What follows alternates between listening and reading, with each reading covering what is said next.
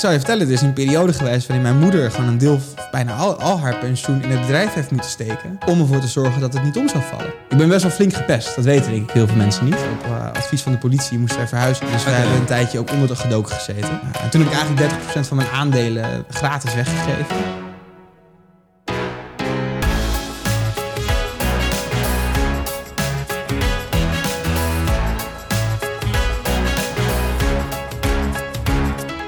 Hey beste luisteraar welkom bij Young Ones, de podcast waarin ik jou meeneem langs inspirerende verhalen van jonge ondernemers. Mijn naam is Sander Timmermans en in de afgelopen 10 jaar heb ik meerdere goedlopende ondernemingen opgebouwd. Maar er zijn ook zeker wel een aantal dingen geflopt. Nu help ik jonge ondernemers bij het realiseren van hun ondernemersdroom. Wie hier meer over weet, check dan www.sandertimmermans.com. In deze aflevering praat ik met een jonge ondernemer met een bijzonder en aangrijpend verhaal. Op jonge leeftijd werd hij namelijk gepest, gebeurde een moord voor zijn deur en moest hij op verzoek van de politie onderduiken. Ja, je hoort het goed. Maar in plaats van met de pakken neer te gaan zitten, gaf hem dit onwijs veel kracht en motivatie, waarmee hij op jonge leeftijd al een prachtig bedrijf heeft opgebouwd. Ik heb het over niemand minder dan Dennis Alkatsch, oprichter van het snel groeiende productiehuis Bruut Amsterdam. De kans is heel erg groot dat je hun werk online en op tv regelmatig voorbij ziet komen.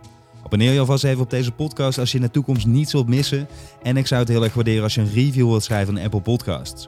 Hierdoor weet ik namelijk wat jij van deze podcast vindt. En het zorgt ervoor dat de afleveringen bij een groter publiek terechtkomen. Veel plezier. Hey Dennis, welkom bij Young Ones. Eh, hartstikke leuk om hier bij jou op kantoor te zijn. Dankjewel. Ik heb bij de research die ik voor dit gesprek heb gedaan even teruggezocht in de geschiedenis. Want toen ik jou e-mailde en uitnodigde, zei ik al van... er zit ergens een linkje in mijn hoofd, eh, heel lang geleden. En vanuit die positie ken ik jou. En gisteren ben ik er eindelijk achter gekomen waar dat van was. Jij hebt ooit een website gehad, denware.nl... Ja. waarmee je heel veel fotografie, of heel veel, maar in ieder geval fotografie deed. Ja. En dat was de eerste stap waarmee ik jou soms eens ineens op het internet eh, zag opduiken... als een van de eerste jongeren in Nederland, volgens mij. Wat grappig. Ja, Dat echt- toen was ik 12, denk ik. Volgens mij was je, ja, dat Ja. stond er ook bij, inderdaad 12 jaar oud en toen al met eh, fotografie en media Ja. bezig. Wat herinner je je nog uit die tijd? Dat het weet je, de tijd was waarin social media en bloggen en dat was allemaal nieuw. Als je dan een blog had, dan was het, oh, ben jij een blogger? Ja, Wat vet. En eh, je had Nalden eigenlijk, dat was de holy grail. was een beetje de cowboy tijd van internet. ja. Ja, Ja, En je was als een van de eerste ook actief op Twitter, dus dat trok natuurlijk ook wat aandacht eh, wat je daar allemaal deed. ja. ja toen hadden we nog Twitter-meetings, waarbij heel Nederlands Twitter dan afsprak bij een kroeg in Rotterdam. Ja? En dat was dan een mannetje of 30 max. Dat was wel heel grappig. Alright. Ja, En ik las zelfs dat je ergens een, eh, een aantal foto's heeft gekocht van een bepaalde schietpartij die voor jouw deur eh plaatsvond. Dat je dat gewoon even naar de pers hebt gestuurd en daar wat, ja. wat inkomsten vandaan hebt getrokken. Ja, het is eigenlijk een beetje het begin van, van mijn carrière geweest. Ik, ik ben eigenlijk ooit wel gefascineerd al heel erg geweest met het vertellen van verhalen met beeld. Dus ik heb, maak al foto's sinds ik kan lopen eigenlijk. Ik heb van mijn moeder denk ik op mijn tweede of mijn derde levensjaar voor mijn verjaardag een, een camera cadeau gekregen. En eh, dat, daar, daar is dat begonnen, is nooit meer weggegaan. En toen gebeurde er voor mijn huis gebeurde er inderdaad een, eh, een moord. En eh, daar heb ik een foto van, van weten te maken. En aan een krant waarvan je verwacht dat die die foto zou kopen, kunnen verkopen. Ja, ja. En dat was een beetje het begin ook van, van mijn journalistieke ambitie die ik destijds had. Ja. En in welke buurt of in welke omgeving ben je opgegroeid? Dat er, ja, er kunnen natuurlijk overal moorden gebeuren. maar wat, wat was een beetje de situatie? Wat, wat voor gezinssituatie kom je uit? Eh, ik ben opgegroeid korte tijd in Capelle aan de IJssel. Mijn ouders zijn gescheiden toen ik boah, acht was, denk ik. Nee, misschien wel jonger, zes. En, eh, Jonge leeftijd dus al. Hele jonge ja. leeftijd, ja. En toen ben ik met mijn moeder samen naar Rotterdam verhuisd. Oké, dus in Rotterdam ben je echt opgegroeid en daar, daar heeft je jeugd zich afgespeeld. Ja, moet wel zeggen, vanaf mijn zestiende kwam ik dan weer vaakst in Amsterdam. Heb ik hier mijn vriendenkring eh, weten op te bouwen. Ja, ja. En eh, voor mijn gevoel ben ik daar ook wel meer een Amsterdammer dan een Rotterdammer. Eh, ja, natuurlijk, dat begrijp ik hoor. Als je steeds hier bent, je bedrijf zit nu natuurlijk hier. Je woont nu volgens mij ook hier toch in Amsterdam? Ja, nu zeven jaar, denk Ja, ik, ja. zoiets. Eh, maar ik ben in mijn leven zo vaak verhuisd... dat ik nergens echt mijn roots heb voor mijn gevoel. Dus ik heb altijd wel eh, als een soort nomade... ook binnen Rotterdam en binnen Capelle aan de IJssel... zo vaak eh, van school gewisseld. Ja, ja. Eh, dat, dat ik met alle winden mee kan waaien. Ja. En voelde je een beetje aansluiting op school? Was dat de plek waar jij tot bloei kon komen of was dat eh, totaal niks? Je gaat gelijk naar de kern. Ja, ja ik, ik weet het niet. Ik, eh, Nee, ja, ik, heb, eh, ik heb daar wel moeilijk gehad op school. Dat was wel dat was een hele moeilijke tijd voor mij. ja. Ik, ik kon op de basisschool, daar, daar heb ik niet heel veel herinneringen van. Eh, behalve dat eigenlijk dat vanaf na de scheiding van mijn ouders, die heel problematisch is geweest. Dat we dus heel veel zijn gaan verhuizen. Dat was ook geen leuke periode. Dus ik dat in veel ruzie of zo? Of wat was dan hetgene wat het, los van dat het natuurlijk überhaupt een hele vervelende situatie is, maar je hebt verschillende soorten scheidingen natuurlijk en verschillende omstandigheden. Ja, uh, mijn, mijn ouders, die, uh, daar, daar is gewoon denk ik iets heel erg misgegaan. En, ja. en op een gegeven moment uh, is, is daaruit gebleken dat, dat het voor mij en mijn moeder niet meer veilig was. Dus we hebben een tijdje ook onder de gedoken gezeten. Oh joh, ja. Uh, en dat is eigenlijk een beetje hoe ik me die situatie uh, kan uh, nog herinneren. ja. Het, is niet een, het, het, zit niet meer beeld voor beeld in mijn herinneringen. Maar ik weet wel dat ik die periode heel diep heb weggestopt destijds. Ja. En dat, dat dat ook wel een, een periode is geweest... Ja, waarin we dus heel veel hebben verhuisd. Uh, ja, en dat verhuizen wat je zegt, dat is dus eigenlijk ook gedwongen verhuizen geweest. Omdat, uh, zeg maar niet van, oh, we willen even leuk naar een andere stad. Maar daar zat Nee. een bepaalde urgentie achter om uh, Ja. vanuit veiligheidsoverwegingen onder andere om dat te gaan doen. Zeker. Ja, Ja, nee, dus uh, dat, dat is geen leuke, dat is Ja, geen nee, leuke scheiding uh, geweest. En nou als ja, ik kijk naar mijn schoolperiode, dan was mijn, dat was mijn middelbare school, was, was niet, mijn, mijn lagere school wa- was eigenlijk best oké tot aan de scheiding. En daarna ben ik nog wel twee keer tijdens mijn uh, lagere schoolperiode verhuisd. En eigenlijk de eerste keer was eigenlijk dus noodgedwongen, omdat uh, ja, wij moesten op uh, advies van de politie moesten wij verhuizen. En daar, daar, ja, dat, dat wist mijn klas destijds ook wel. Dus er werd wel een beetje met, met, een, met een fluwelen handschoen met me omgegaan. ja, En eigenlijk de school waar ik vervolgens terecht kwam, dat was een christelijke basisschool. Daar werd heel erg raar gekeken naar het feit dat ik geen vader had. Zo werd ik eigenlijk ook een beetje behandeld, de jongen Ja. zonder vader. Uh, en dat, dat is wel een hele nare periode geweest. Daar, uh, ik ben best wel flink gepest, dat weten denk ik heel veel mensen niet. ja. Uh, maar ook fysiek zijn er wel dingen gebeurd. Om die reden dan ook? Of wat is daar dan? Want dat... ik denk, dat, ik denk dat je op die leeftijd ben je natuurlijk nog helemaal niet bewust van wie je ook zelf bent. En dus ik, ik, ik, dat- ik in ieder geval op dat moment niet. Ja, Dus ik Nou, denk inderdaad. kinderen denk ik niet, Ja, ja. nee, denk ik ook niet. Dus ik denk dat heel veel pesten op dat moment gebeurt vaak wel. uh, omdat je ja, voor, voor hele lullige dingen. Dat je, dat je geen vader hebt. Dat je niet van rapmuziek hield of iets dergelijks. ja, ja, ik, uh, ja. Uh, dat, dat waren echt een beetje de dingen. En ik hield heel erg destijds al van, van dingen doen die, ja, die niet helemaal bij je leeftijd horen. Ik zat in groep 8 en toen had ik een webhostingbedrijf. ja, ja, precies. dat zijn wel dingen En ik vond dat uh, echt ja. dope. Ik had een scriptje geschreven waarmee ik een, uh, een servers in, in Oekraïne kon inkopen en kon verkopen hier in Nederland aan klanten die uh, daar een formuliertje voor invulden en betaalden via IDU. Alright. Ja, Ja, als je in groep er 8 dus al zit, ver, ver voor gaan. Ja, als je dat in groep eh, 8 doet en al je andere vrienden houden van voetballen, dan ben je al, uh, dan ben je al snel anders. Ja, ja ik, ik herken me daar wel in wat je zegt. Van, van niet de muziek tof vinden die dat anderen tof vinden. Ik was zelf toen ik jong was, had ik heel behoorlijk fors overgewicht. Dus weet je wel, waar andere mensen aan het voetballen waren en aan het sporten... was dat iets waar ik ook totaal geen energie of passie van krijg, kreeg. Inmiddels is het wel anders, maar vooral dat aspect van... ja, weet je, alle jongetjes gaan naar voetbal en luisteren naar... weet ik veel wat er toen in de top 40 stond... En ik, st- zeg maar, op het duur de grootste tegenstelling was dat ik in een bomberjack naar school ging en thuis metal aan het luisteren was. En naar drumles ging in die bomberjack omdat ik zogenaamd grapper was. Want iedereen was dat, het sloeg gewoon compleet nergens voor op. Dus als je het hebt over jezelf vinden en tegelijkertijd ook nog gepest worden, want dan ben je ook niet een, een echte of zo, snap je? Ja, Dan, uh, dan begrijp ik dat wel. ik heb denk ik ergens ook zelfs nog inderdaad wel twee maanden gedacht dat ik gothic zou moeten worden of iets dergelijks. ja. Toen draagde ik van die, van die half, uh, half lange broeken en uh, zo'n keycord eraan. ja, ja. Uh, nee, dat, dat herken ik wel, ja. En van, van waar die, die fascinatie altijd voor media dan? Want je zei net al, je hebt het over verhalen vertellen. Dat is volgens mij de kern van alles uiteraard als je het helemaal gaat vatten. Maar het begon bij jou al heel vroeg. Ook waar ik jou van ken is altijd van deze jongen die ziet iets in media, radio, tv. In het begin waren het nog traditionele media waar je heel veel uh, mee bezig was. Maar ook wel echt waar je droom lag toen destijds, toch? Ja. Ik denk dat dat... Uh, ik ben er eigenlijk het afgelopen jaar voor mezelf ook meer over na gaan denken. Waarom is dat verhalen vertellen altijd een, een, een rode draad geweest in alles wat ik doe? Ik denk dat ik sowieso het, het radio maken, wat ik vroeger heb gedaan... Uh, ja, dat, dat vind ik gewoon heel magisch. Omdat het, ja, dat kan je in je eentje doen. En je kan in een radiostudio zitten. En je kan met in je eentje dus een heel programma maken. Een hele show creëren. Uh, zonder dat je daar externe hulp bij nodig hebt. Dat is bij film, wat ik nu maak, is dat totaal anders. Ja, ja. Dan sta je soms wel met, met, met 60, soms 70 man zelfs op de set. Dus ik denk dat... Uh, even terug naar, naar waarom verhalen. Ja, ik denk dat eh, ik wel heel erg heb geloofd dat, ja, dat daar een bepaalde kracht in zit. Dat, dat je daar mensen mee kunt maken, kunt breken. Uh, het, het, er zit zoveel macht in een verhaal. Ja. Uh, en voor mij is het denk ik, daar ben ik in het afgelopen jaar dan achter gekomen, ook een bepaalde manier geweest om, om ook mijn eigen verhaal te verwerken. Dat om maar niet naar je eigen verhaal te hoeven kijken en dus naar de verhalen van de ander te kijken, je voor jezelf jezelf ook kan leren kennen. En dat vond ik wel heel erg uh, in het afgelopen jaar heel erg leerzaam aan mezelf.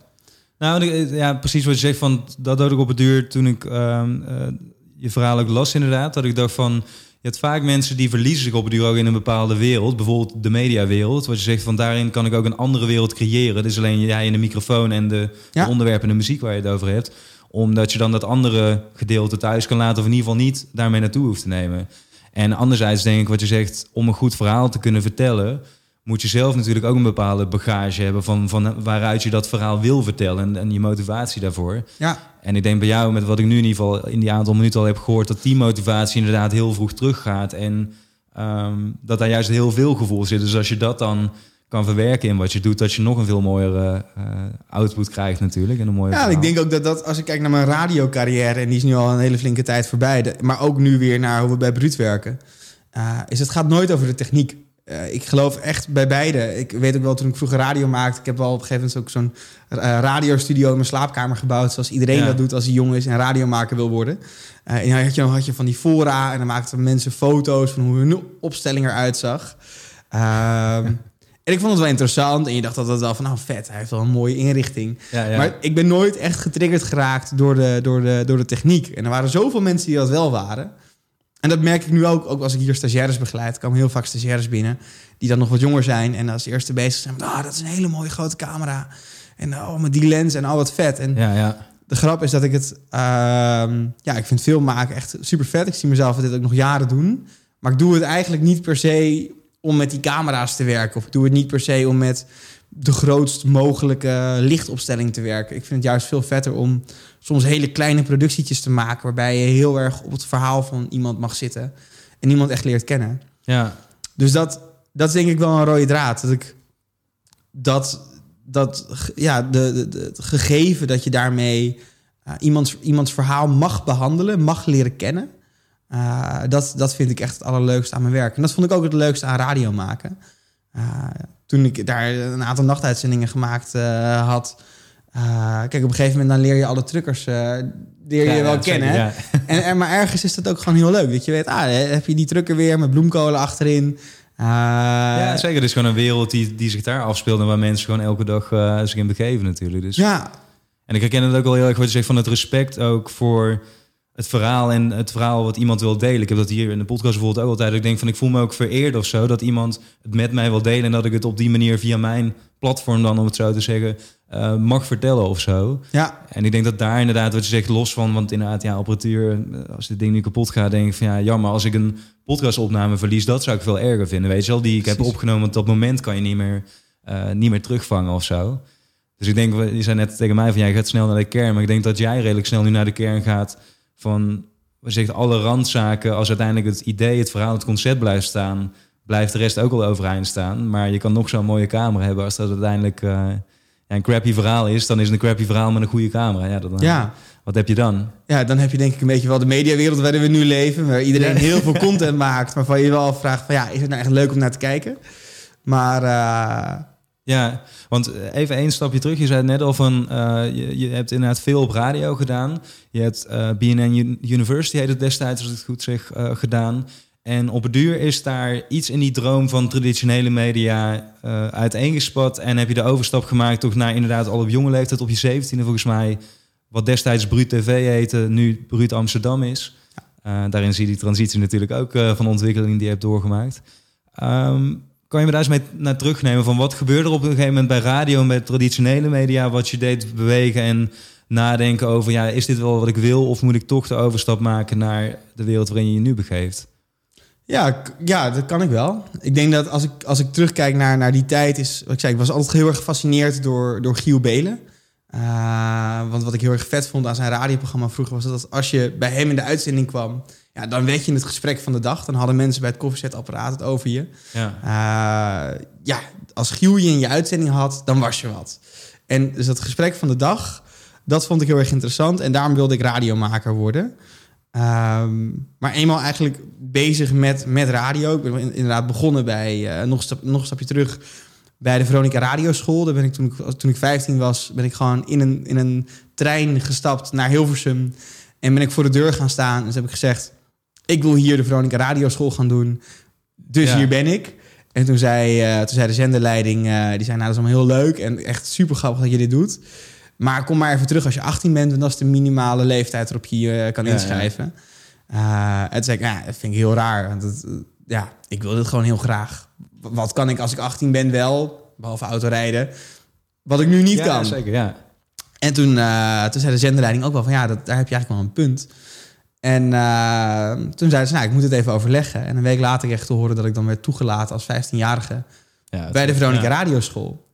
Uh, Waar komt die, die mondigheid, sorry dat ik je onderbreek, maar bij jou vandaan? Want dat had je zelfs al toen je 12 was. Als je, ja, mensen kunnen dat nu uh, terugkijken. Ik weet niet of je wil dat ze dat doen. Maar in ieder geval, toen je 12 was, was je al zo mondig. En ook best wel overtuigd gewoon van wat je toen vond en voor je zag. Ook wel, je zei het zelf al voor op je tijd. Ik denk dat je toen ook al uh, vrij volwassen of zo in je schoenen stond. Want mm -hmm. anders kan je dat soort... Weet je wel, andere mensen zitten dan nog met Playmobil of zo te spelen. Of tegenwoordig met een iPad met Playmobil op. Maar weet je dat? Of, of ben je gewoon altijd zo mondig geweest? Nou, ik denk dat je op een gegeven moment, als je het hebt over snel volwassen worden, dat, dat word je denk ik sowieso als je gepest wordt. Dus dat, dat, dat ja, ja. forceert je ook wel om sneller over jezelf na te gaan denken en dus ook wel om te gaan handelen. En daarnaast heb ik natuurlijk een hele moeilijke scheiding gehad. Dus dat steeds mijn, mijn ouders een moeilijke scheiding gehad, waar ik dan een onderdeel van was. Ja, maar andere mensen, je hebt, je hebt twee varianten, denk ik. Van de ene haalt daar misschien kracht uit, of een bepaalde energie die je om, of een bepaalde woede die je ergens naar omzet. En de ander die uh, ligt, even heel dramatisch gezegd, in de kelder uh, te huilen met reken over zich heen. Ja. Uh, dus, en bij jou heeft zich dat dan eigenlijk heel erg die andere kant bewegen van veel energie en dus een, een mondig persoon die wel even het voor zichzelf gaat regelen. Ja, nou, ik denk, ik vertel je net al, eigenlijk toen ik in groep 8 zat, toen werd ik al, uh, werd ik al gepest en toen heb ik dus het webhostingsbedrijfje uh, opgezet. En ik denk dat eigenlijk dat wel een soort van rode draad is. Uiteindelijk als ik dan nu wat ouder, nou, 25 terugkijk op alles ja, wat ik ja. gedaan heb, dan denk ik wel van, ah ja, daar zit wel een bepaalde bewijzingsdrang in. Uh, dat ook al mag je er niet bij horen van de rest van de groep, dat je nog steeds succesvol kan zijn. Ja, precies. Ja. Uh, voor jezelf in ieder geval.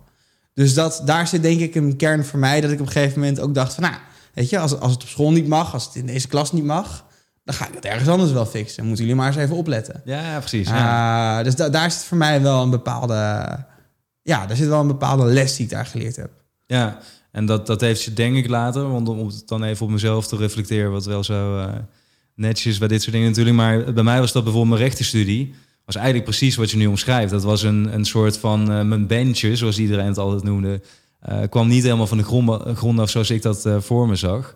En toen dacht ik op het duur inderdaad van nou, en ik hou ook niet van voetbal. En, en, ja. en, en, en, en toen dacht ik van nou, en dan zal ik jullie nu wel eens laten zien dat ik wel iets kan en iets kan regelen. En toen ging ik van het mbo naar de universiteit.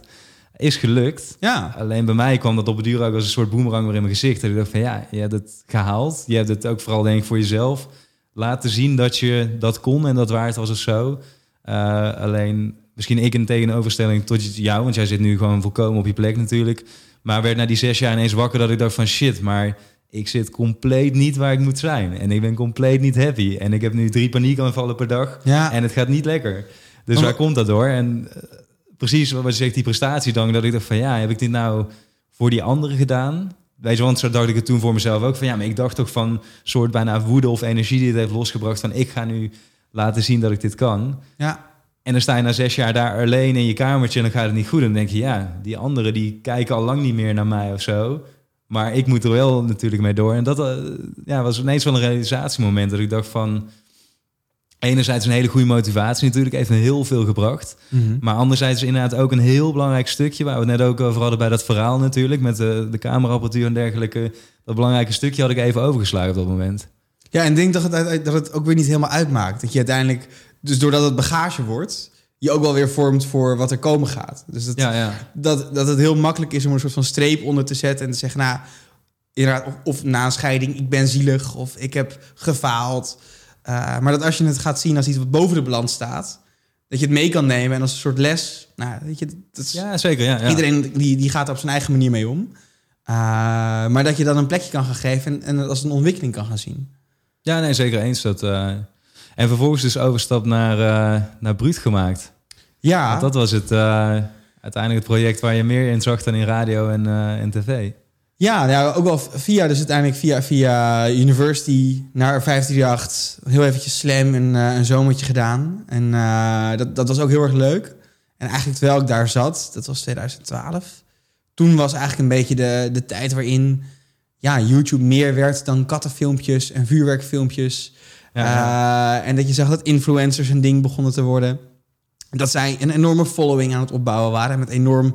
Destijds hadden we dat dan over 15.000 subscribers. Dat was toen veel. Ja, ja. En inmiddels zijn dat er miljoenen. Is dat dan, dan een beetje destijds de categorie Milan Knol en, en die uh, club? Of was dat daar nog voor of na of zo? Want zij waren oh. volgens mij een van de eerdere die daar echt, echt grotere publieken bereikten, toch? Een van mijn eerste producties, of eigenlijk de eerste productie van Bruut, was, waren de YouTube Battles. Ja. Dat was voor telecomprovider Bleep, dat bestaat niet meer. Ik ken dat nog volgens En dat was met, met Calvijn, dat was natuurlijk een van de, van de eerste. Ja. Uh, met Mert, Dylan, Hagens, uh, ja, zat er allemaal in? Stuk TV was toen net begonnen. Ja. ja. Wel een beetje alle namen die er nu ook nog steeds zijn, inderdaad. Mert volgens mij iets minder actief of niet meer actief op YouTube. Dat moet ik even. Maar in ieder geval, uh, Calvijn inderdaad, Dylan Hagens hebben nu natuurlijk ook hele grote platformen gebouwd. En laat staan stuk natuurlijk. Ja. Maar, uh, en dat we die toen allemaal in één show wisten te krijgen, dat was wel heel vet. Ja, precies. En dan, als, ik dan, als je me dan vraagt van, nou, denk eens terug aan die tijd dat je nog een blog had. Dan denk ik ook weer terug aan die tijd. En dan denk ik, ja, dat was wel gewoon een beetje het moment waarin iedereen nog aan het, aan het cowboyen was. Er waren nog niet echt bewezen voor die, uh, verdienmodellen. Iedereen deed gewoon lekker wat. En dat, uh, dat, waren, dat, dat is zo'n soort van nostalgie die ik soms nog wel voel. Dat je denkt, ja, snap oh, dat was wel lekker. Maar... Ehm, ja, dus eigenlijk dat, dat, dat, dat, was, dat was die tijd, 2012. En met die ontwikkeling van YouTube-kanalen die begonnen, dacht ik op een gegeven moment, ja, dat, daar zit natuurlijk ook gewoon een enorme kans voor merken. Daar wilde ik wat mee gaan doen. Dus in eerste instantie ben ik toen bij 538, waar ik destijds uh, 538 DJ in opleiding was, naar mijn zenderleider gegaan. En ik had gezegd, nou, misschien moeten we wat met, uh, met video gaan doen. Ja. Uh, en laten we een YouTube-kanaal beginnen of YouTube-filmpjes maken. En eigenlijk wat ik toen terugkreeg was, nou, hele leuke feedback. Hou jij nog even de focus op je radioprogramma en laat dit maar aan de mensen over die, uh, die daarvoor tijd hebben. Ja. En dat, dat ging bij mij, ja, ik, ik ben wat dat betreft wel iemand die in zeven sloten tegelijkertijd uh, wil en kan, uh, kan springen. Dat ging bij mij niet helemaal lekker naast elkaar. Dus op een gegeven moment dacht ik, nou, als, als ik het hier niet kan gaan ontplooien, dan wil ik het wel ergens anders gaan doen. Ja. En toen is Bruut eigenlijk op mijn, op mijn slaapkamertje begonnen. Op je 17? Uh, ja, ik heb altijd wel filmpjes gemaakt. Maar toen op een gegeven moment dacht ik van, nou ja, daar zit iets. Daar moet ik iets mee. Uh, maar ik zou je eerlijk vertellen, tot vorig jaar had ik niet eens een businessplan. Dus uh, er, dat is gewoon ja, ergens een soort van organisch ontstaan. Je voelt dan, daar zit ruimte, ik wil daar iets mee, er ligt interessegebied. Uh, en jij gaat het dan denk ik ook wel gewoon doen, toch? Want dat is inderdaad vaak een uh, gespreksonderwerp bij jonge ondernemers. Van, van hoe lang moet je plannen? Moet je inderdaad een businessplan maken of begin je gewoon? Daarin heb je een hele, ja, een hele range natuurlijk van hoe mensen daarin opereren. En ik hoor toch wel vaak van de mensen die, um, ja, je zegt net zelf al in zeven sloten tegelijk, in ieder geval die, die gewoon iets opmerken in de wereld wat er gebeurt, net zoals nu online. En die zeggen van, nou, ik ga het gewoon proberen. Ik begin ermee en ik zie wel waar het uitkomt. Waar bij anderen misschien is een ultiem doel, droom, visie opgeschreven in tien pagina's en dan een keer uh, beginnen kan natuurlijk ook goed uitwerken. Maar... Ik denk dat het, uh, dat het ervan afhangt wat je gaat doen als ondernemer. Of je een, of je een marathon gaat rennen, zo zie ik Bruut wel echt. Heb hier geen einddatum voor. Ik, ik denk, ga, ik vind het leuk. Ik merk dat we elk jaar weer nou, boven wat ik verwacht groeien. Dus uh, het leuke vind ik ook dat je ja, elk jaar weer met nieuwe problemen in aanraking komt. Het is, het is alleen niet makkelijk. Dat moet je denk ik niet op verkijken als je gaat ondernemen. Ja, ja. Het wordt ook nooit makkelijk, denk ik. Uh, maar ik kan me ook voorstellen, er zijn denk ik ook zat ondernemers die gewoon een gat in de markt zien en denken, nou, uh, nou over, over een tijd zal dit waarschijnlijk wel hip zijn. Ik ga dat product niet op de markt brengen. En dat is op een gegeven moment natuurlijk een trend en dan is het weer geen trend en dan faseer je het weer uit. Ja. Er zijn mensen die een exit willen maken, die op een gegeven moment gewoon denken van, nou, dan heb ik het opgestart en verkocht. Ik denk dat het heel erg afhangt van wat voor ondernemer je bent. Of je iemand bent die vanuit zijn hart helemaal involved is bij een product. Of dat je juist als ondernemer veel meer zit bij het signaleren van, van kansen en, en, en daar producten op bouwen. Ja, dan is het bijna een beetje eh, zoals we beleggen in aandelen. Van je bent aan het kijken van waar zit, zit de ruimte, Precies. waar zitten de kansen. Stop er snel wat geld in, maak het groot en na het exit verkocht en weer door. Ja, Ja, En ik, ik zie mezelf niet als dat laatste. Ik vind het juist wel heel leuk, in ieder geval nu. Ik weet, weet je, je weet niet hoe de wereld zich ontwikkelt, maar om nu gewoon lekker bezig te zijn met Bruut. En wat ik zeg, eh, drie jaar geleden waren de problemen die ik had, eh, hoe we überhaupt aan genoeg klussen gingen, gingen komen. En nu sinds dit jaar hebben we iemand voor HR en ben ik mijn kop aan het breken over hoe Ja. je een organisatie gaat bouwen. En, en dat vind ik heel vet. Dat je eigenlijk soms kan terugdenken aan een periode en dat je denkt, ja, toen leek me die situatie onoverkombaar. En als je dan nu met de, met de kennis van nu terugkijkt daarop, dat je denkt, ja, stel dat voor. stel dat eigenlijk Ja, ja. Hoe, eh, hoe ben je toen te werk gegaan? Even terug naar die inderdaad van we moeten nu opdrachten regelen. Want eh, even aannemen dat veel jonge ondernemers dit luisteren. Bij hun is die vraag natuurlijk nog vaak on top of mind. Van hoe ga ik dat doen? Wat was in het begin jouw strategie? Want dan ben je een hele jonge gast. Eh, je wil iets met video gaan doen. En dan moet er een eerste opdracht binnenkomen. Of, of net daarna dat je wat meerdere opdrachten binnen moest slepen. Maar wat was toen je, je strategie ook gewoon voor de deur gaan staan zoals je in het begin met de radio deed? Of hoe heb je dat... eh, Ik heb dat heel noodgedwongen moeten aanleren. Ik heb op een gegeven moment na de YouTube battles, dat was dus onze eerste klus, Oké, kreeg ja. ik, eh, viel dat op. Dat kwam in vakmedia te staan, omdat we zoveel grote bekende influencers erin hadden zitten.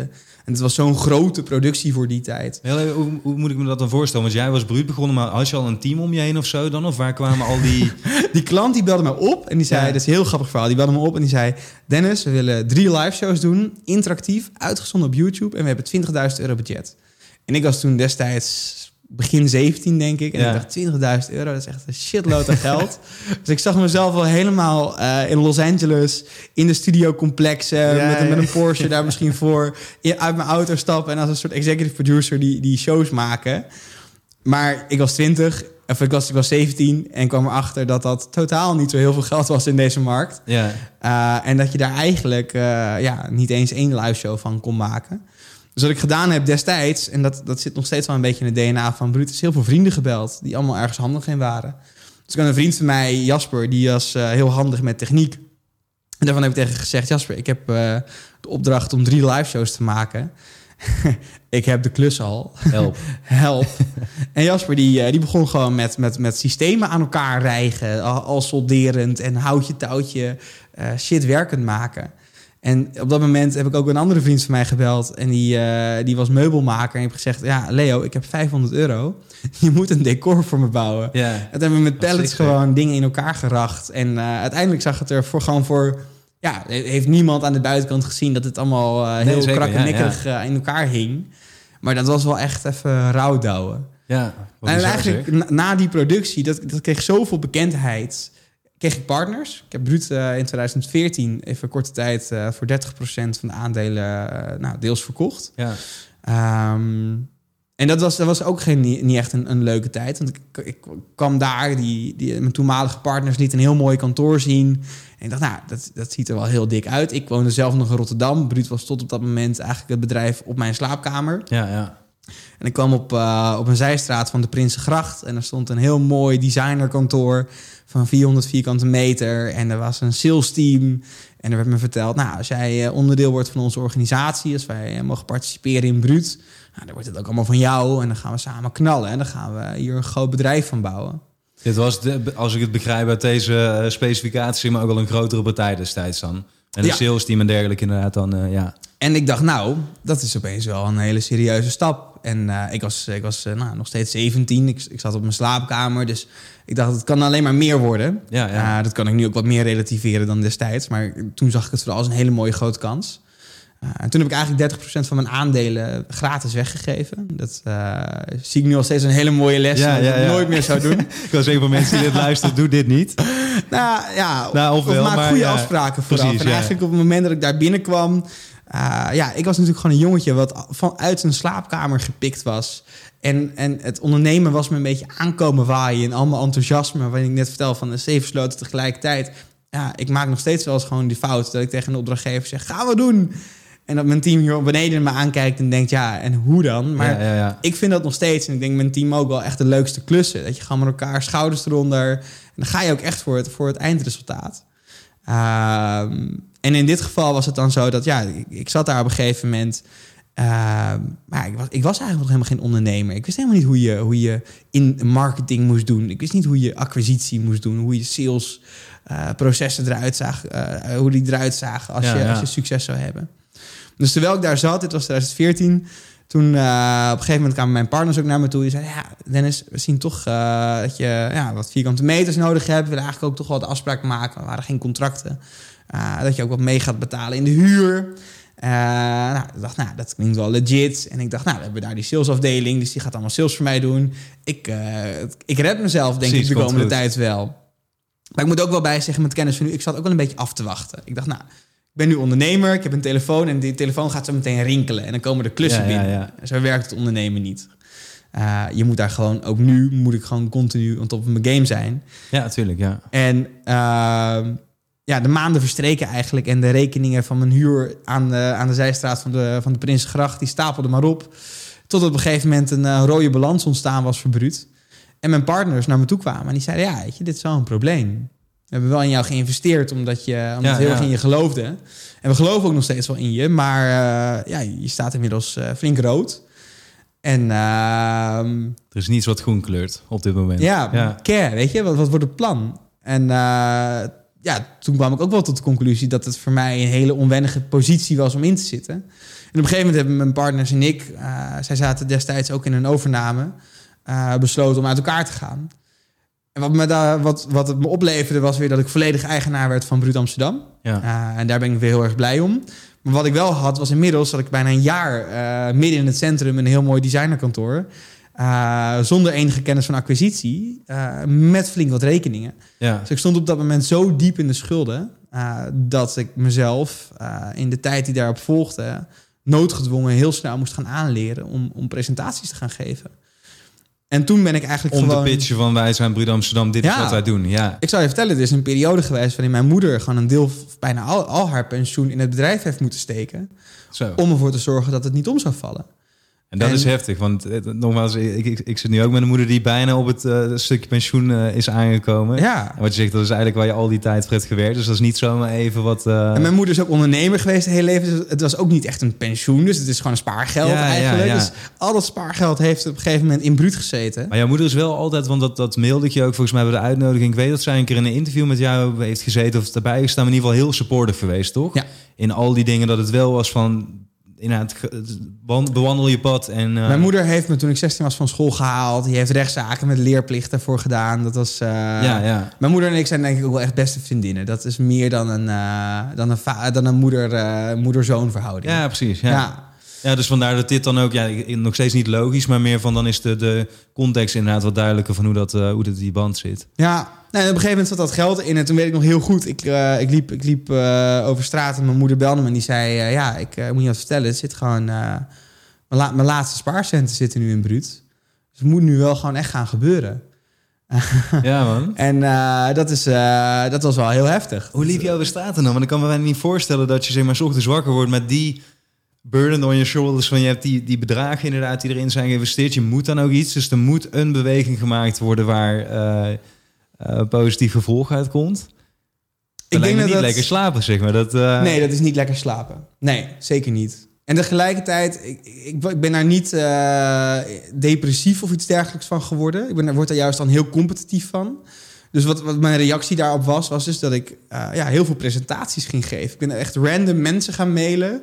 En gewoon gezegd, eh, reclamebureau X, mag ik jullie langskomen? Ik wil presentatie geven. En eh, ik wil jullie wat over Bruut vertellen. Nou, en daar reageerden heel veel reclamebureaus heel erg leuk op. En dan ging ik gewoon langs. Ja. En wat ik deed was gewoon heel goed in de ogen van alle mensen kijken... op het moment dat ik een presentatie gaf...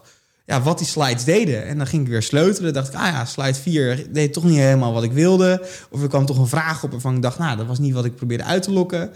En zo hebben we eigenlijk een beetje op een gegeven moment... soort van de ultieme slide deck gesleuteld. Ja. En daarmee eh, is Bruut eigenlijk in die, in die maanden die erop volgden... eigenlijk gaan vliegen. Uh, en heb ik dat, die schuld aan mijn moeder eigenlijk uh, kunnen wegwerken. Ehm, Wat een bizarre leerschool, zeg. Want ik, ik weet nog dat je net voor dit gesprek zei... Van dat je ook een aantal andere podcasts had geluisterd... en zei van ik hoop dat wat ik te vertellen heb net zo inspirerend is als die andere.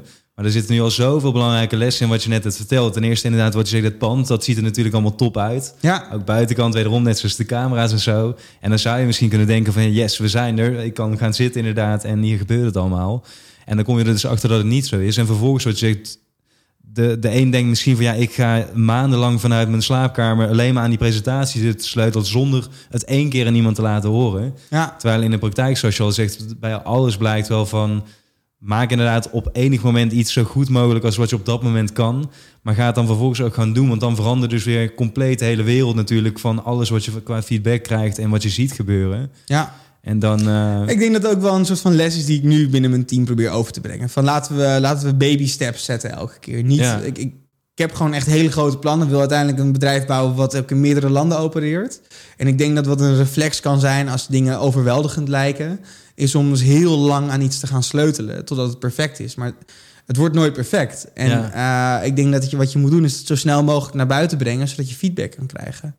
En mijn grote droom vroeger was altijd om John de Mol te worden.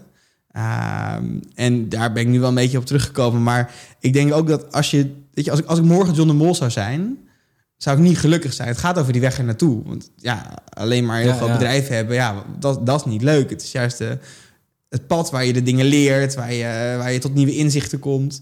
En ik denk dat dat ook is wat je, ja, eh, wat ik mijn team probeer mee te geven. Ja, vraag om die feedback, ga daarmee op, ga naar buiten eh, en, en, en probeer ook vooral te luisteren naar wat er nog beter kan of eh, wat mensen er echt van vinden. ja, ja. Uh, want ik denk dat je al heel snel kan blijven haken in wat je. Maar misschien is dat wat ik dan heel erg waardevol vind als ondernemer. Wat ik heel erg. eh, dat je heel snel kan blijven hangen in wat je zelf leuk vindt. ja, zeker. En tegelijkertijd vind ik het grappig dat ik dat zeg. Want ik was gisteren met mijn coach. En daarvan leerde ik dan ook wel weer van ja, dat, dat ze maar zeggen, dus dat, dat alleen zijn, omdat je gepest wordt, daar zit ook weer een, een, een haakje in naar uh, ook alweer de feedback van anderen soms proberen te vermijden. Uh, dus het, voor mij Ja, is het heel ja, makkelijk ja, om feedback te krijgen van dingen die niet over mij gaan. Over mijn bedrijf, over producties die ik oplever. Uh, maar ik weet ook van mezelf dat ik moeilijk zelf met mijn eigen feedback om kan gaan. Ja, precies. Ik begrijp wat je bedoelt. En, en ik hoor je zeggen, coach, dus voor jou is dat een soort van ook de mogelijkheid om reflectie te krijgen. Begrijp ik dat goed? Of wat is de reden dat jij een, een coach hebt? Want ik sta er helemaal achter hoor. Ik heb het ook al vaker in deze podcast besproken, wat ik daar het belang van vind. Ik heb het zelf ook. Maar wat is voor jou de reden dat je dat uh, ja, hebt? Is dat alleen business-wise, persoonlijk, allebei tegelijk? Hoe, hoe zie jij dat? Ja, ik denk inderdaad wel een soort spiegel die je daarmee hebt. Uh, en de grap is, mijn coach Ton, die, die, die lijkt ook best wel op mij. Dus hij is, hij is wel een stuk, ja, een stuk, een stuk ouder dan ik. Ja, ja. Uh, volgens mij in de 50. Mocht hij jonger ook zijn. ondernemer? Geweest, ook ondernemer, ja, steeds, zeker. Ja. En, en uh, ik, ik vind het heel erg interessant om met gewoon iemand te kunnen sparren. Ik, ik zou ook denk ik niet zo snel een coach kunnen hebben die niet ondernemer is. En op het moment dat het heel spiritueel gaat worden, dan zou ik daar denk ik wat meer... Uh, nou, wat minder op aangaan. En wat ik heel erg interessant vind, is om ook wel gewoon wat feedback te krijgen. En op een bepaalde manier uh, zo weer tot nieuwe inzichten te komen. En dat, ja. uh, dat, dat kan een coach wel voor mij. En ik ben ook heel erg, wat ik zeg, van bewust van... Uh, je, je zult het allemaal niet... Je zult het niet altijd allemaal weten. Dat en, zeker, ja. En dan is het lekker om even met iemand anders... Zeker als je die persoon betaalt... Want dan weet je, dan is die persoon die staat bij je. Dat is niet iemand die jou gaat afkraken. Ja, ja. Die persoon die betaal je om naar jou te luisteren en jou te helpen. Om eventjes naar een bepaalde kwestie te kunnen kijken. En dan, uh, dan helpt dat wel. Ja, ja wat je zegt van een goede coach die durft dan wel inderdaad jou die spiegel voor te houden. En niet per se te zeggen wat je wil horen, maar wat je moet horen, om het zo te zeggen. Ja. Want anders dan is inderdaad juist die, dat zie je ook wel eens gebeuren vanuit die positie van ik betaal jou. En als het dan is van, oh ja, vertel me wat ik wil horen. En dan kom ik nog een keer terug, want dat is wel chill of zo. Dan wordt het inderdaad ja, weer leuk. een, uh, precies een... Dan uh, weet je de dingen die... Uh, dus dan krijg je te horen wat je al wist. Ja, precies. Dus daar zit inderdaad dan geen waarde in. Maar nee, ik was wel benieuwd inderdaad. Dat je toen straks zei van, ja, ik ben, ben er gaan eten. Dus volgens mij is het ook wel een wat meer lange duurrelatie die jullie dan met z'n tweeën hebben. En um, wat ik zei, ik ken ook wel mensen die al langere tijd met een coach werken. Maar ik vroeg me heel erg af inderdaad van, wat haal jij er dan uit? En wat is jullie, ja, jullie band, zeg maar, die je daar, uh, die ja. uithaalt? Uh, ik heb nu Ton als coach al voor vier jaar. En eh, ik denk dat hij voor mij iemand is die me ervoor heeft gezorgd dat ik mezelf heb leren kennen in de afgelopen jaren. Ja, Ik ben wel echt natuurlijk zo vroeg ook begonnen met ondernemen. En als we het dan ook hebben over die schuld waar ik net over vertelde, dat je op een gegeven moment, ja, dan ben je ondernemer, je zit, je zit eh, naast de Prinsengracht, je denkt, nou, dit is, dit is het ondernemersleven. Nou, je komt er dus ook op jonge leeftijd eigenlijk al achter, ja, dat dat, dat, dat, dat, dat niet gelijk betekent dat je flessen champagne in het Jimmy Woo moet gaan poppen. ja, ja. Uh, dat, uh, dat heeft ook wel uh, impact gehad. En dat je, ja, dat je toch achter dat je met iemand op pad kan gaan naar waarom doe ik dat? En wat, waar, zit, waar komt dat vandaan? En dat heeft in de afgelopen vier jaar er wel voor gezorgd dat ik eigenlijk een soort identiteit heb kunnen creëren. Van ik weet van nou, dit is wie ik ben. Ik weet ook waar, wanneer ik het echt met mensen, oneens kan zijn. Wanneer ik het, ja, wanneer ik ook wel denk van nou, dit is wel wie ik ben en dat is waar ik voor sta. Ja, precies. Ja. Um, maar inderdaad, we, we zijn wel uh, we zijn al vier jaar lang bezig geweest. Ik denk dat de eerste twee jaar lang ging heel erg over wie ben ik en waar wil ik voor staan. En de laatste twee jaar gaan wat meer over hoe, nu ik weet wie ik ben, hoe ga ik dat toepassen op mijn bedrijf. Precies, als je dat daarin door kan trekken. Maar wat je zegt, dan moet je eerst even een stap voor terug doen natuurlijk om te kijken van waar sta ik nu inderdaad. In plaats ja. van meteen alleen maar weer vooruit kijken om daar, uh, daar te komen. Uh, je zegt net al team. Hier lopen inmiddels behoorlijk normaal gesproken wat mensen rond. Met hoeveel zijn jullie nu in totaal? In volle, volle bezetting zeg maar vanuit Bruut? Nu met acht. Uh, er staan nog drie vacatures open. Kijk. Dus ja, nee, we zijn, we zijn met acht, acht vast. En dan hebben we nog een freelance schil. Dus hier bij Bruut werken vooral uh, producers. Mensen die dus verantwoordelijk voor zijn dat, het, dat de producties die we draaien progressie uh, maken. Ja. Binnen begroting, binnen planning en binnen eigenlijk de visie die we hebben. Uh, en voor de rest zijn, werken we eigenlijk met best wel flexibele teams. en die halen we wel in huis op het moment dat we, dat we dus een product, productie draaien. Ja, precies. Ja. En dat, dat, dat gaat wel goed. Ja. dat zijn ook veel, volgens mij, hele jonge mensen, toch? Tenminste, ik heb op de website even gekeken van... Het team is echt super jong wat hier rondloopt. Zeker. Ik, uh, ik ben uh, enige tijd zelfs de jongste volgens mij hier geweest. Uh, ja. dus uh, dat is zo jong ook weer niet. Maar ik denk dat de gemiddelde leeftijd rond de 27 is. Ja, ja. En ik ben nu wel aan het kijken ook om weer wat meer senioriteit aan boord te halen. omdat je wel merkt, ik denk dat onze kracht dus bruut is dat we het met z'n allen doen. Dus we, we echt soms onze nek kunnen breken over een opdracht of een potentiële kans waar weer een nieuwe volgende stap voor ons in zit. Ja. Uh, en dat, we, dat, dat dat ons ook echt bij elkaar brengt. En tegelijkertijd kost dat gewoon heel veel energie ook natuurlijk... om het wiel met elkaar uit te vinden. Zeker, ja. En elke uh, keer ook opnieuw natuurlijk en weer, wat je zegt, vol ervoor gaan. Dat, uh... en, dus, en daarvoor denk ik op een gegeven moment wel van... ja, als je dan hard wil gaan groeien... dan is het ook wel lekker om, om iemand te hebben die... die misschien nog niet gelijk de antwoorden hoeft te geven. Weer een beetje dat coachen. Maar die je wel een beetje in de goede richting kan duwen. Ja, ja. Uh, zodat je vervolgens nog wel zelf kan gaan ontplooien. En dat, uh, dat is denk ik wel waar we nu heel erg Haalt dat misschien ook net even wat druk bij jou weg misschien? Ik wil niet zeggen druk, want je bent natuurlijk verantwoordelijk voor de rest... en je vindt het ook superleuk natuurlijk. Maar het is nu, kan ik me wel voorstellen... uiteindelijk ben jij de kapitein op het schip en dat blijf je. Um, ik kan me voorstellen als je dan net iets meer iemand hebt die niet per se naast je komt staan, maar ertussenin en ook een beetje die vertaalslag kan maken dat het ook wel wat ademruimte voor jou geeft. Ook want jij moet je ook met de langere termijnvisie bezighouden en met het, het overzicht op het geheel. Ja, zeker. Ik denk ook dat voor mij inderdaad, ik er steeds meer achter kom dat ik de ondernemende kant er heel leuk aan vind. Wat ik zei, ik begon op mijn slaapkamer met editen, cameraman, uh, regisseur. Ik deed het eigenlijk ja. allemaal. Editen vind ik totaal niet leuk. Dus dat was ook het eerste wat ik eruit haalde. Daar moet je een hele lange spanningsboog voor hebben. Ja, ja. Nou, en ik merk dat het woord spanningsboog is wel een soort van uh, rode draad in alles wat ik uh, leuk vind. Ik vind het heel leuk om dingetjes op te starten, deuren te openen en soms ook weer gewoon dicht te doen. Ja. Uh, en ik denk dat ik voor de komende tijd ook nou, bezig ben, dus inderdaad om de operatie, gewoon de day-to-day, -day, wat meer over te dragen naar het team hier. Zodat ik weer kan gaan kijken naar ja, wat, zijn, wat zijn de volgende, de volgende kansen die we kunnen gaan grijpen. Ja, precies. Uh, maar de grap is dat dat is ook een soort uh, ja, een, een, een, een fase waar je in moet komen. Want vroeger zeiden heel veel ondernemers altijd tegen mij van ja, dat moet je gewoon gaan doen. En je ondernemer moet je, moet je, moet je altijd uh, vooruit blijven kijken. En dat leek me heel lang leek me dat gewoon onmogelijk. Ik denk dat heel veel jonge ondernemers die horen heel vaak het advies van nou, investeer in senioren mensen. Uh, want dan uh, gaat je bedrijf vliegen. Nou, dat, dat, hoorde ik ook. En ik had op een gegeven moment hier een vloer met allemaal junior, hele junior mensen zitten. Ja, ja. En ik weet nog wel dat als ik dan op kantoor binnenkwam, dat iedereen me aankeek van, nou, wat gaan we doen? Precies, we gaan heen. En ik keek iedereen me aan en ik dacht, ja, uh, jongens, ga even wat doen. Want ik ga jullie niet allemaal vertellen wat jullie moeten gaan doen. Ja, precies. Zo wil ik niet zijn.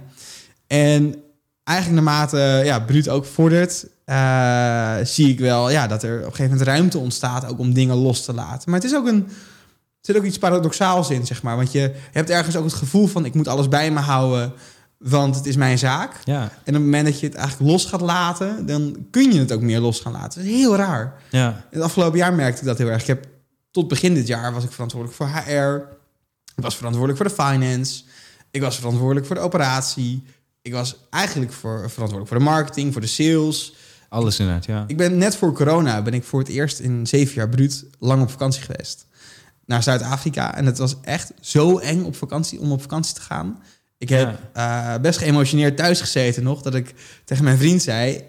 Ja, ik weet niet of ik dit kan. Ik, ik weet niet of ik de zaak alleen kan laten. En de grap is, ik ging weg. Het was maar drie weken overigens.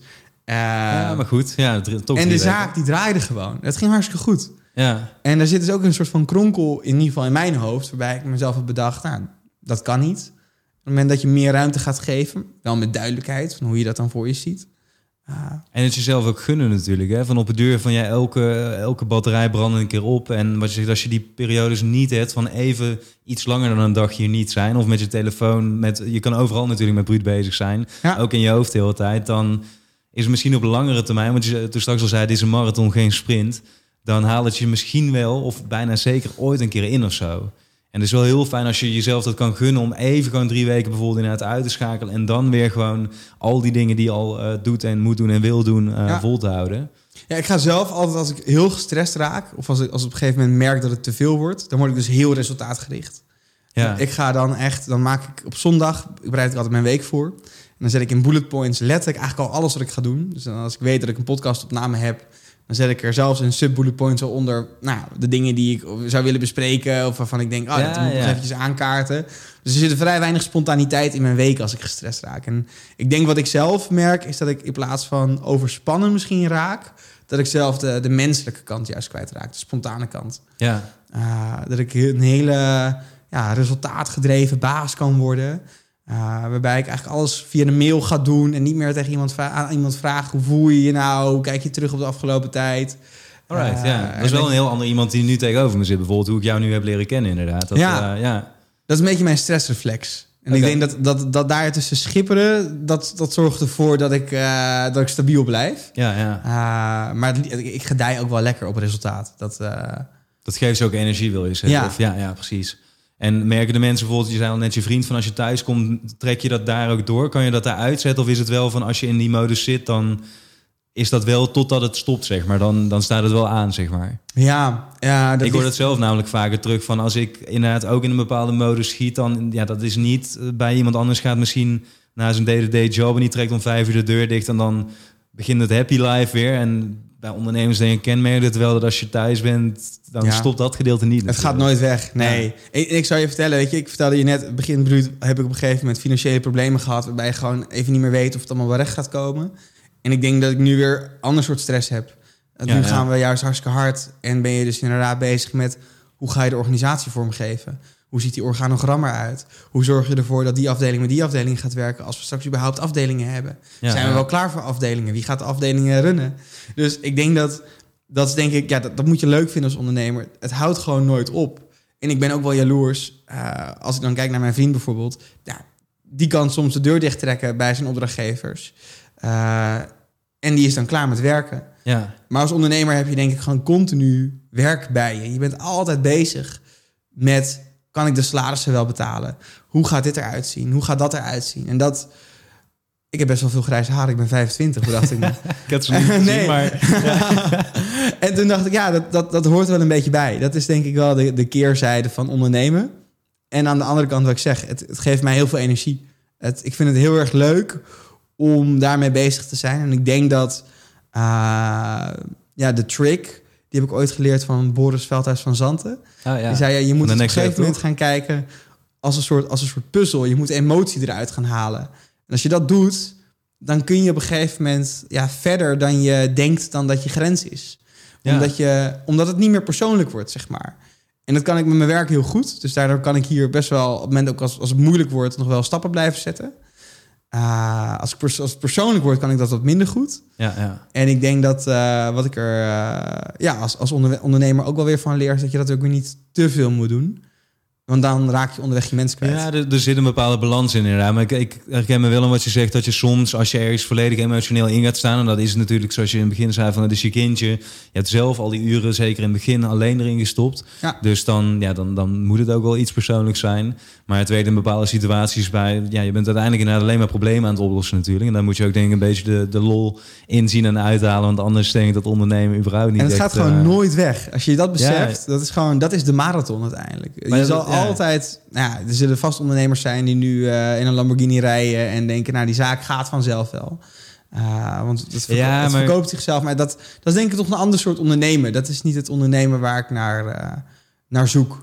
Nou, maar plus, eh, we hebben het hier van tevoren natuurlijk even over gehad. Wat je omschrijft van. ehm, dat is in deze tijd natuurlijk heel populair op internet. Van oh, I have a passive income, I drive my Lambo en mijn leven is fantastisch. Ja. Ja, uiteindelijk is dat allemaal bullshit natuurlijk. Want of iemand heeft een heel goed lopend bedrijf eh, daar staan met een team om zich heen, dan is hij alsnog ook dat team aan het aansturen. En natuurlijk kan hij dan even, terwijl dat hij in zijn Lambo dient, eh, rijdt, ook nog een aantal eh, deals binnentrekken, omdat zijn team dat aan het doen is. Ja. Natuurlijk kan je wat passief inkomen creëren. Maar niemand die op dat niveau onderneemt, die rijdt de hele dag een beetje in zijn Lambo, zit in zijn villa op zijn bank en denkt van nou, dit is mijn leven. Dan moet er of een addertje onder het gras zitten, geld vanuit de familie of weet ik veel wat.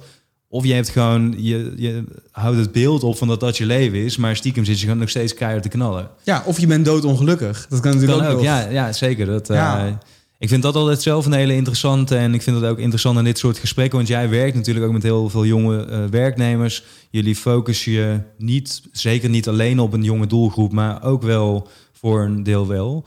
Eh, online content natuurlijk. eh, Generation Z, Millennials is volgens mij een beetje de categorie waar jullie vooral in zaten. Misschien verbreedt zich dat ook steeds meer nu. Ja, zeker. Ehm, maar ik vind het daarbij altijd heel interessant dat ik, eh, omdat je net zelf ook zei van ja, erachter komen wie je zelf bent, waar je zelf voor staat. En dat zo min mogelijk laten beïnvloeden door invloeden van buitenaf. Kan natuurlijk nooit dat je dat helemaal ehm, eruit filtert.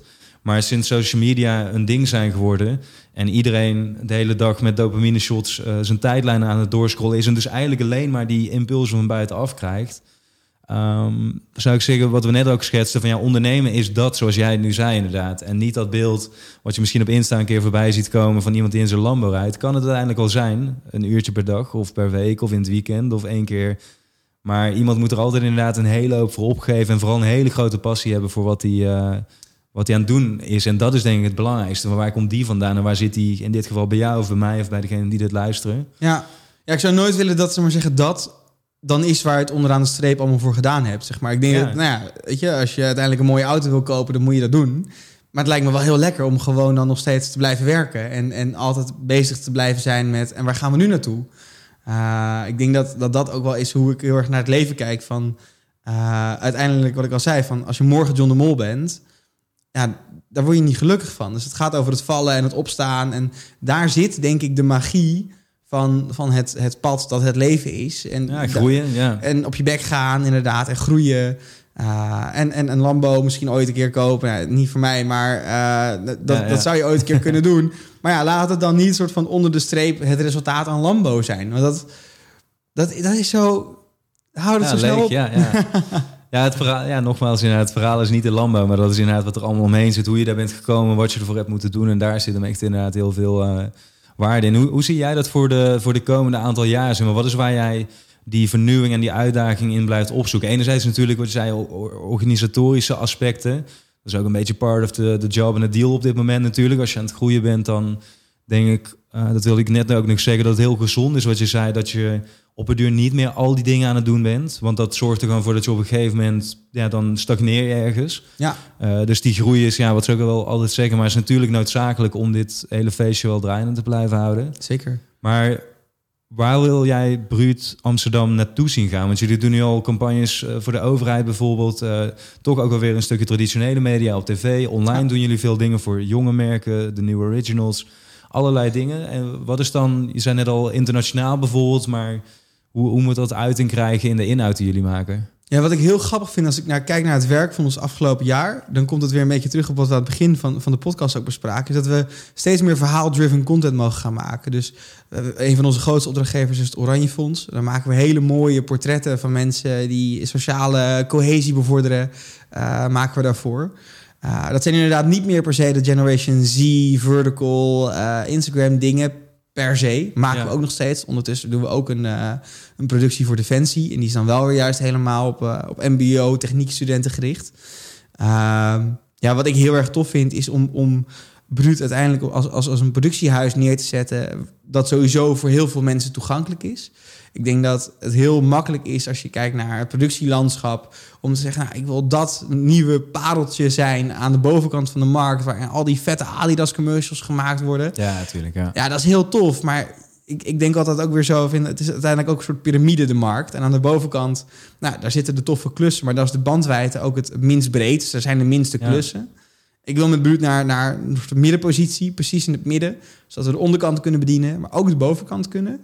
En daaruit verhaal driven en heel erg bewust van eigenlijk waar, waar aandacht en welke platformen er tegenwoordig zijn. Ja, daar de mooiste verhalen gaan vertellen. Maar dat verhaal, dat staat, dat staat wel, dat is volgens mij wel duidelijk geworden. Dat staat Ja, wel echt zeker, buiten ja, kijf. Nou, en, en wat je misschien vanuit de intentie waarmee je Bruut ook bent gestart, is juist om los te wrikken van die, die bepaalde hiërarchieën, mechanismen die in eh, de grotere wereld, om het zo te zeggen, of in ieder geval wat je omschrijft, die toplaag vaker aanwezig zal zijn, is denk ik wel interessant inderdaad om de balans te blijven zoeken van dat je wel nog kan blijven schuren en mag blijven schuren. Want anders Zeker. zit Ja. je daar... eh, wat vind je bijvoorbeeld van zo'n overstap van Stuk TV, waar we het net al over hadden natuurlijk, begin van YouTube-tijdperk, eh, nu bij Talpa, Ja. traditionele media die wel ook steeds meer op onder andere YouTube zich gaan manifesteren en daar iets doen. Ehm, ja, wat is jouw mening daarover als mediamaker? Poh. Ehm, grappig, ik hou, me niet zo, ik hou me vaak niet zo bezig met dat soort dingen. Omdat ik altijd denk, ja, Ja. dat, dat, zijn, dat, dat, dat is een keuze. Ik, ik, ik, eh, ik, als ik Giel de Winter was, zou ik het denk ik ook wel gedaan hebben. Ja, Dat is natuurlijk een mooie stap. Kijk, als je kijkt naar, eh, naar die hele MCN-wereld zoals die er eh, zeven jaar geleden uitzag, waarbij dus YouTubers bij een bepaald groot bedrijf aangesloten waren om, om uiteindelijk aan een adverteerder gekoppeld te worden. Ja, want dat zijn voor de mensen die niet weten, MCN is inderdaad een soort middle person tussen influencers, Een YouTubers soort en- agentschap en, eigenlijk. Ja, Ja, ja. Dat, ja dat, dat is natuurlijk... Destijds was dat helemaal de holy grail. Maar op een gegeven moment, influencers werden zo groot. Nou, sommigen hebben gewoon fulltime een manager in dienst. Uh, ja. Dus dat, dat, dat kan ook gewoon met de inkomsten die daar inmiddels uit worden, eh, worden vergaard. Ehm, ja, dus de toegevoegde waarde, denk ik, voor, voor een partij als Stuk TV, maar ook aan, aan- van andere grote YouTubers, is inmiddels faciliteiten. Ja, en, en, en, en eh, Talpa heeft natuurlijk zoveel televisieervaring, zoveel faciliteiten die, die, kan, die John de Mol kan bieden aan, aan iemand zoals Giel de Winter. En, en andersom ook weer. Ja, Eh, zeker, want ja. John de Mol, ja, eh, ik denk dat het een eh begenadigd televisiemaker is. Zeker, ja. Uh, maar ik denk dat uh, internet maken ook weer een heel andere tak van sport is.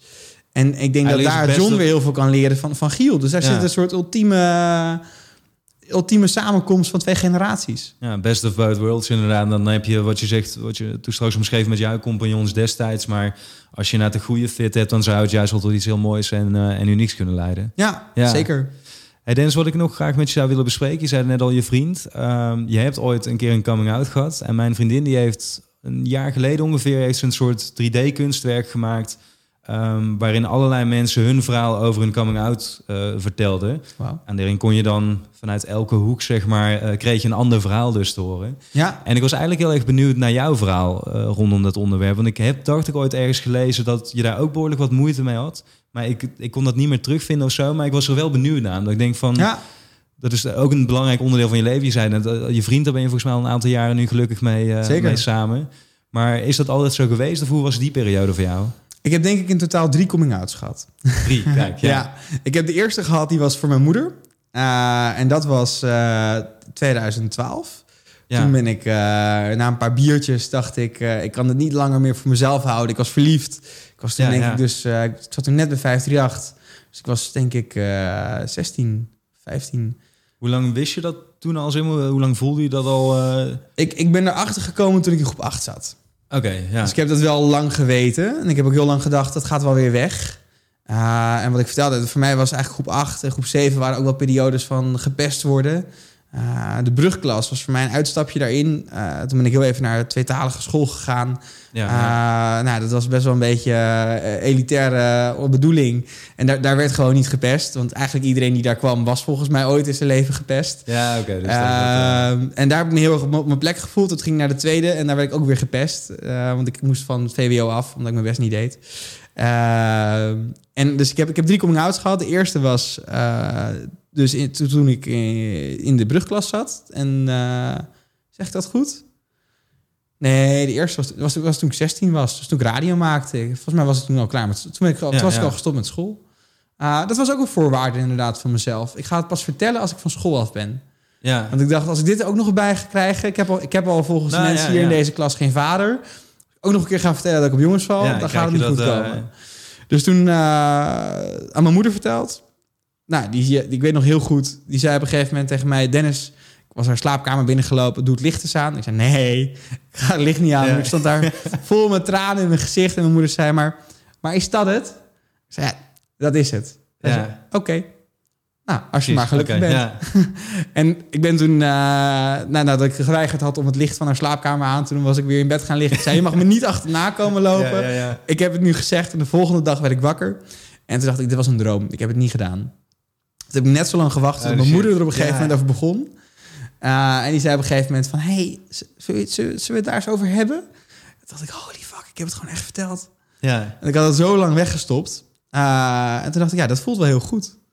Was een soort ook weer bevrijding, vrijheid, zeg maar. Hetzelfde als toen dat je op die school wegliep. Van nou, daar, daarbuiten is ook een andere wereld. En daarin kan ik wel inderdaad gewoon zijn wie ik wil zijn, wat ik wil zijn. Kan- Ja, nou ja, en dit was alleen nog maar mijn moeder. Dus ik had in Ja. ieder geval het geval, ik had in ieder geval het gevoel dat ik thuis helemaal kon zijn wie ik was daarmee. Ja, Eigenlijk precies, achter de voordeur was nu voor mij helemaal clear en ik wist dat die mensen dat ja, eh, mijn moeder in dit geval dan daar kan ik gewoon zijn wie ik ben. Kan, ik kon daar inmiddels alles over zeggen.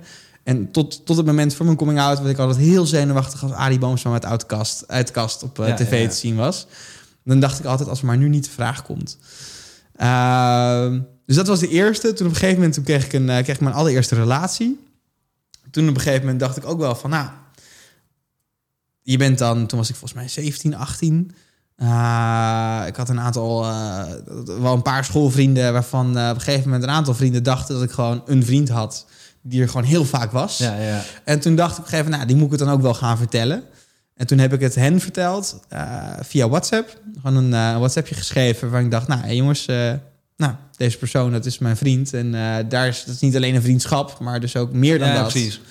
En op zo'n moment is dat dan een soort, voel je daar dan een, een soort van angst bij of zo? Van, oh, als ze daar maar goed op reageren, of hoe moet ik me dat vo- voorstellen? Ja, absoluut. Ja, Ja, ik heb hetzelfde berichtje heb ik diezelfde avond ook nog op Facebook geplaatst. Oké. Daar zaten ja. mensen toen nog op.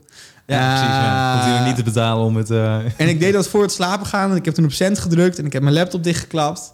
En ik dacht, ik, ga, ik heb mijn eh, vliegtuigstand aangezet. Ik dacht, nou, gedaan. Kan het niet meer Ja, ja, ongedaan ja. maken. En ik zie het allemaal morgen wel weer. En de volgende dag deed ik mijn laptop open.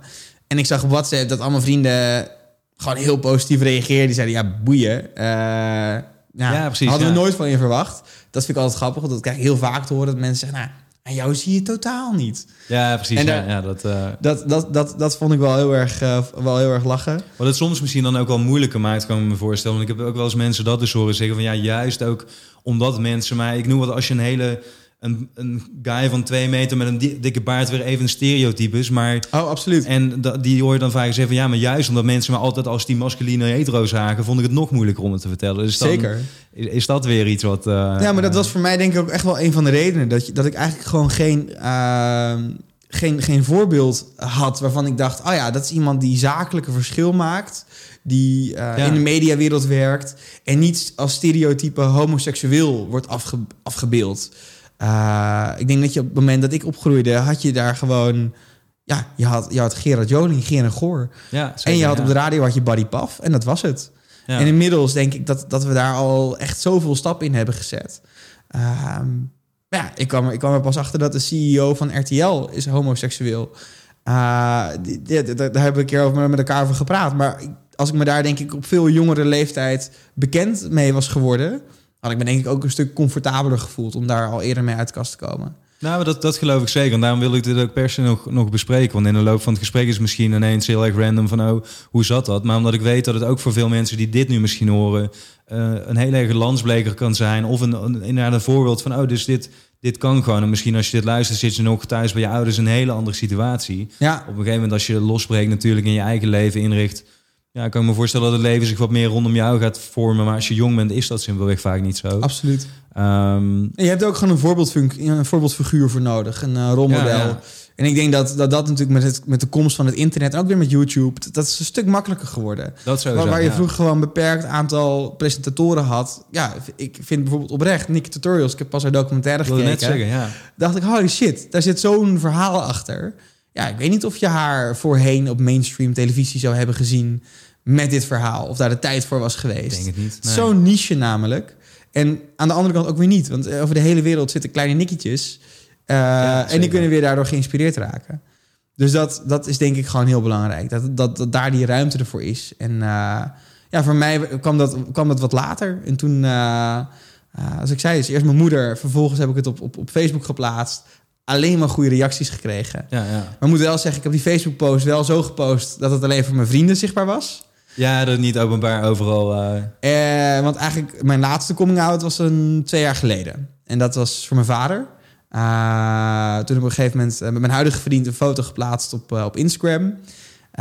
Want ja, we woonden inmiddels samen. En ik dacht, nou, Ja, je ja. bedoel, dat, een leuk romantisch fotootje. Dat kan er wel, dat kan er wel vanaf. En eh, mijn vader die heeft heel lang niet op social media gezeten. En eh, Jullie hebben dus nog wel contact samen, jij en je vader? Of, of eh, sporadisch? voorheen sporadisch. Ja. Inmiddels hebben we al eh, twee jaar geen contact. Nee. Oké, ja. Dus, en hij, hij zag die foto en hij heeft op een gegeven moment, ik stond, weet ik nog goed, ik stond op Siget. En ging je net naar, naar volgens mij Diplo of Vette Set. En toen kreeg Ja. ik een appje binnen van mijn, van mijn schoon, mijn vaders vrouw. Dus dat is zijn, mijn Eh? Nee, niet schoon, stiefmoeder dan denk ik of Stiefmoeder. zo, toch? Ja, precies. Ja. En die zei: eh, Hey Dennis, ik zie, ik zie die foto op je Instagram. En eh, je vader is er niet blij mee. Wil je de foto verwijderen? En dat, dat was. Ik, sprak die, ik sprak mijn vader al heel weinig. Ik sprak Ja, mijn ja. De schoon, stief, Stiefmoeder, ja. stiefmoeder al helemaal weinig. En dat was voor mij wel het moment dat ik dacht: van ja, dit, dat je dit kan sturen. Nadat we eigenlijk al jaren elkaar niet gesproken hebben. Oh, dat was ook nog eens na zo'n periode. Ja, zeker. Toen dacht ik echt: ja, dit, is, dit gaat voor mij te ver. En. eh, Het voelt voor mij letterlijk een beetje alsof je gewoon dan een, een flinke tik op je, op je oog krijgt even of zo. Zeg maar als je dat... Natuurlijk was er al een hele hoop aan vooraf gegaan, maar nog steeds is dat... Omdat je toen straks het ook heel over prestatiedrang hebt, zeg maar. Iedereen wil uiteindelijk natuurlijk, al is het maar een goede band met je ouders, maar een soort van ehm, ja, waardering of erkend worden of iets in ieder geval Ja. eh, van, yo, jij bent er en je mag zijn zoals je wil zijn. En dat zou natuurlijk de utopie zijn als dat voor iedereen zo zou kunnen zijn. Zeker. Eh, dit is daar natuurlijk compleet tegenovergestelde van. Ja, dus dat, Ja. Ik, maar ik denk ook wel dat dat me dus weer de, de energie altijd heeft gegeven om met Bruut iets te gaan bouwen waarbij ik dat een soort van voor mezelf ja, kon, kon bewijzen dat het er wel mocht zijn, dat ik er wel mocht zijn. En dat, eh, ja, dat, dat heeft de, de relatie met mijn vader niet zo heel veel goeds gedaan. Eh, ik heb er nooit op gereageerd, dus dit is, Ja. eh, ik, heb, ik heb het er wel later, vorig jaar heb ik het er nog eh, in een documentaire van Jan Kooijman over gehad. En dat was ja. eigenlijk voor mij, dat is toen uitgezonden op NPO 3, dat was mijn laatste coming out. En ik merk eigenlijk, doordat het op, gewoon op NPO 3 is uitgezonden. Ik was altijd nog steeds iemand dat als ik in, in, een, in een taxi zat of iets dergelijks. En een taxichauffeur vroeg aan me: En heb je een vriendin? Dat ik altijd een beetje moeilijk deed. Dan ging ik eromheen praten. Of ik, of ik, of ik ging gewoon mee in het verhaal. Ja, precies. Ja, of een partner, maar in ieder geval het niet eh, bij de naam benoemen. Ja. Of dat als er dan een eh, monteur van, eh, van internet bij je thuis kwam en die zei: Nou, twee mannen, zijn jullie huisgenoten? Dat je dat toch een beetje in Ja, het midden liet. ja. En voor mij was eigenlijk vorig jaar wel het moment dat ik dacht van ja, weet je, dat mag allemaal gewoon zijn. Dit is gewoon wie me heeft gevormd. En ehm, als ik gewoon even alles in een perspectief plaats, ook met, met Bruut, nou, dan is het, heb ik denk ik gewoon best wel wat meegemaakt in mijn leven, wat allemaal niet heel leuk is geweest. En soms ook heel erg moeilijk. Maar uiteindelijk heeft het gewoon een heel leuk einde. Dus, dus ik heb dat heel lang niet willen delen, omdat ik me ervoor schaamde. Omdat ik dacht, nou, dan gaan mensen me zielig vinden. En dat vind ik verschrikkelijk om zielig gevonden te worden. Maar ja, er zit, het is geen zielig verhaal uiteindelijk. En dat vind ik uiteindelijk wel weer het... Nou, dat, dat geeft mij Ja, nu de ja. ruimte om het ook aan jou te vertellen, zeg maar. Nou, dat, dat zeker. Maar waar, waar ik zo niet van schrik, maar wat ik zei, mijn, mijn eh, haakje bij jou was die vrolijke jongen vroeger op tv... die met, met volle passie over media en hoe dat hij de radiowereld inderdaad ging voorover aan het praten was. En als je dan nu, en, en dat is ook meer zo'n bevestiging voor mezelf, weet je wel... dat uit, achter elk deur schuilt weer een ander verhaal. En iedereen heeft daar een ander uh, pad in. Ja. En als ik dan hoor wat jij ook in die tijd, dat ze dat, dus afspeelt en daarvoor al uh, hebt meegemaakt. En hoe je dan uh, vervolgens daar dat omzet naar energie en zo'n bedrijf uit de grond stamt. Met een prachtig mooi team wat hier achter ons zit. En straks een nieuw, nieuw pand. Gelukkig inderdaad met je vriend, met je moeder, die als een van je beste vriendinnen aanvoelt. Wat dan anderzijds natuurlijk weer een cadeautje is dat die ja. band zo enorm sterk is. Dan denk ik van ja, shit man, waar, waar dat je vandaan bent gekomen en waar je nu staat inderdaad. En ook hoe je je voelt, wat je net omschrijft. En ik weet nu waar ik voor sta, waar ik naartoe wil. Dan is dat denk ik een heel mooi, uh, ja, een heel vervelende start, uh, om het zo te zeggen. Anderzijds misschien ook, want ik zie je knikken, een soort start waar zonder dit misschien wel allemaal niet was gebeurd inderdaad. Dus dan heeft het ook weer zijn reden gehad. Ja, nee, ik denk vooral dat. Ja. Het, en hetzelfde voor het verkopen van aandelen op een hele jonge leeftijd... waar Ja. je geen idee hebt. Ik ben zo blij dat ik het toen gedaan heb. En dat ik, dat ik daar nu geleerd van heb. En hetzelfde heb ik eigenlijk met alles nu. Ik kan, ik kan dat best wel nu... Nou, ik kan er ook nog wel eens emotioneel van worden. Maar ik kan het nu best wel relativeren en dan bedenken... Nou, ik ben blij dat het, dat het allemaal achter me ligt. Ik heb daar lessen zeker, uit ja. kunnen trekken. Uh, en die kan ik nu weer toepassen op de toekomst. Ja, zeker. En ik denk ook wat je zegt van, van ook mindset-wise en het hele ondernemerspel is natuurlijk vooral een mentaal, mentaal avontuur wat je aangaat. Maar wat ik bij jou ook heel tijd merk is van, ja, je kan denken van ja, wat nou als dit niet lukt? Maar bij jou is het eigenlijk keer op keer vanaf het moment dat je voor, bij die radio voor de deur ging staan tot aan nu van ja, wat nou als het wel lukt? En dan heb je een Ja. fantastisch vet eindresultaat waarmee je nu dus nogmaals met een heel groot team ook uh, die datzelfde, diezelfde manier van denken hebben. Dus uh, ik wil je bedanken, man. Ik wil je Dankjewel. bedanken uh, voor het mooie verhaal. Want alles draait om verhalen, zei je net zelf. En ik vind dit oprecht een uh, ja, diepe indruk. En tof dat je zo eerlijk bent hierover. Uh, ik zou zeggen, laten we over een aantal jaar nog een keer meeten. En dan zit je waarschijnlijk dus ook ergens in het buitenland. Dan maken wij er een tripje van. Dan komen we daar langs. Maken we een deal op. Precies. leuk. En uh, heel veel succes met uh, wat de toekomst gaat brengen. Dankjewel. Dankjewel dat ik de gast mocht zijn. Yes, thanks dat je was. Luister naar deze bijzondere aflevering met Dennis. En in de volgende aflevering praat ik met de Nederlandse king of sneakers en streetwear. Deze jonge ondernemer weet namelijk alles van het starten en runnen van een eigen kledingmerk, online en offline retail en marketing. Wil je deze aflevering niet missen, dan kan je abonneren op deze podcast via het platform waarop jij het liefste luistert. Ik zou het nogmaals heel erg waarderen als je mij wilt laten weten wat je van deze podcast vindt. Wat je enerzijds kan doen door een reactie te plaatsen op socials, jongens de podcast, of door een review te schrijven in Apple Podcasts. Dus laat van je horen en tot de volgende aflevering.